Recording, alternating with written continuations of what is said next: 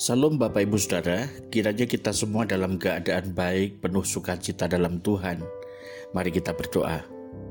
Tuhan kami bersyukur atas penyertaan-Mu dalam kehidupan kami, sehingga kami dapat bersukacita di tengah pergumulan kami.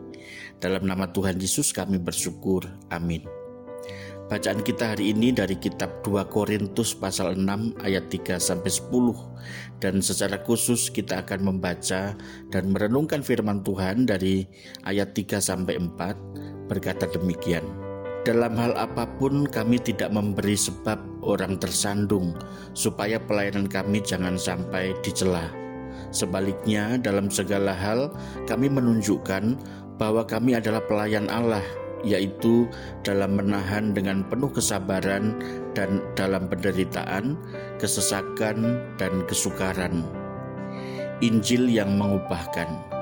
Rasul Paulus sedang memberi pembelaan atas tuduhan terhadap dirinya dan pengajarannya dari guru-guru palsu yang hendak menyesatkan umat Tuhan supaya mereka setelah menerima kasih karunia Tuhan Yesus mereka tetap melakukan tradisi Yahudi sehingga Injil ditambahkan melakukan tradisi seolah-olah menjadi lebih rohani.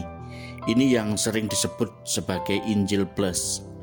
Sebagai seorang hamba Tuhan, Paulus menginginkan agar jemaat Korintus dan orang-orang percaya yang menerima suratnya ini memberi tanggapan yang sepadan dengan Injil Yesus Kristus. Ia tidak mau bila anugerah Tuhan menjadi sia-sia karena merespon secara negatif terhadap Injil tersebut. Ayat 1. Yang Paulus maksudkan adalah sikap jemaat yang mulai merendahkan Paulus karena terpengaruh oleh pengajar-pengajar palsu, membuat mereka secara tidak langsung menolak Injil. Padahal waktu anugerah Allah atau kesempatan yang Allah berikan kepada orang untuk beriman dan bertobat menyambut Injil tidak dapat dan tidak boleh diulur-ulur waktu begitu mendesak. Fakta bahwa Allah penuh dengan anugerah justru seharusnya mendorong orang untuk segera merespon dengan benar panggilan Allah tersebut. Paulus menyadari bahwa faktor kesaksian hidup bisa menjadi batu sandungan yang membuat orang yang mendengarkan Injil menolak anugerah Allah. Dengan keberanian dari kesaksian hidup yang benar, ia menyatakan integritas dirinya sebagai seorang pemberita Injil Kristus.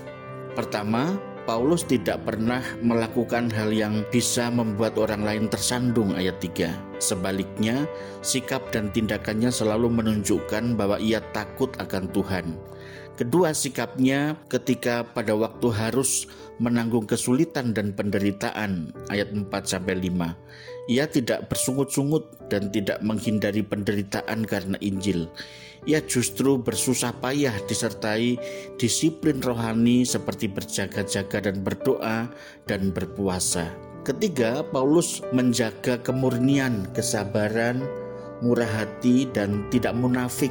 Ayat yang keenam.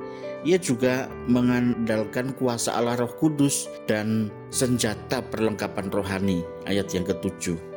Keempat, semua kualitas rohani ini ada pada kesaksian hidup Paulus secara konsisten. Dalam segala keadaan, ia menjunjung kemuliaan Allah, kemuliaan Tuhan yang ia layani. Ayat 8 sampai 10. Kesaksian dan kualitas hidup seperti ini bukan hanya perlu ada dalam diri seorang rasul saja, tetapi berlaku bagi semua orang Kristen yang menghidupi Injil dan memberitakannya. Sebelum kita memberitakan Injil kepada orang lain, apakah hidup kita sudah diubahkan oleh kuasa Injil Kristus tersebut? Mari kita berdoa. Tuhan tolonglah supaya kami dalam memberitakan Injilmu yang menyelamatkan itu, kami boleh memperhatikan kesaksian hidup kami, karena Engkau lebih dahulu mengubah kehidupan kami. Dalam nama Tuhan Yesus kami berdoa.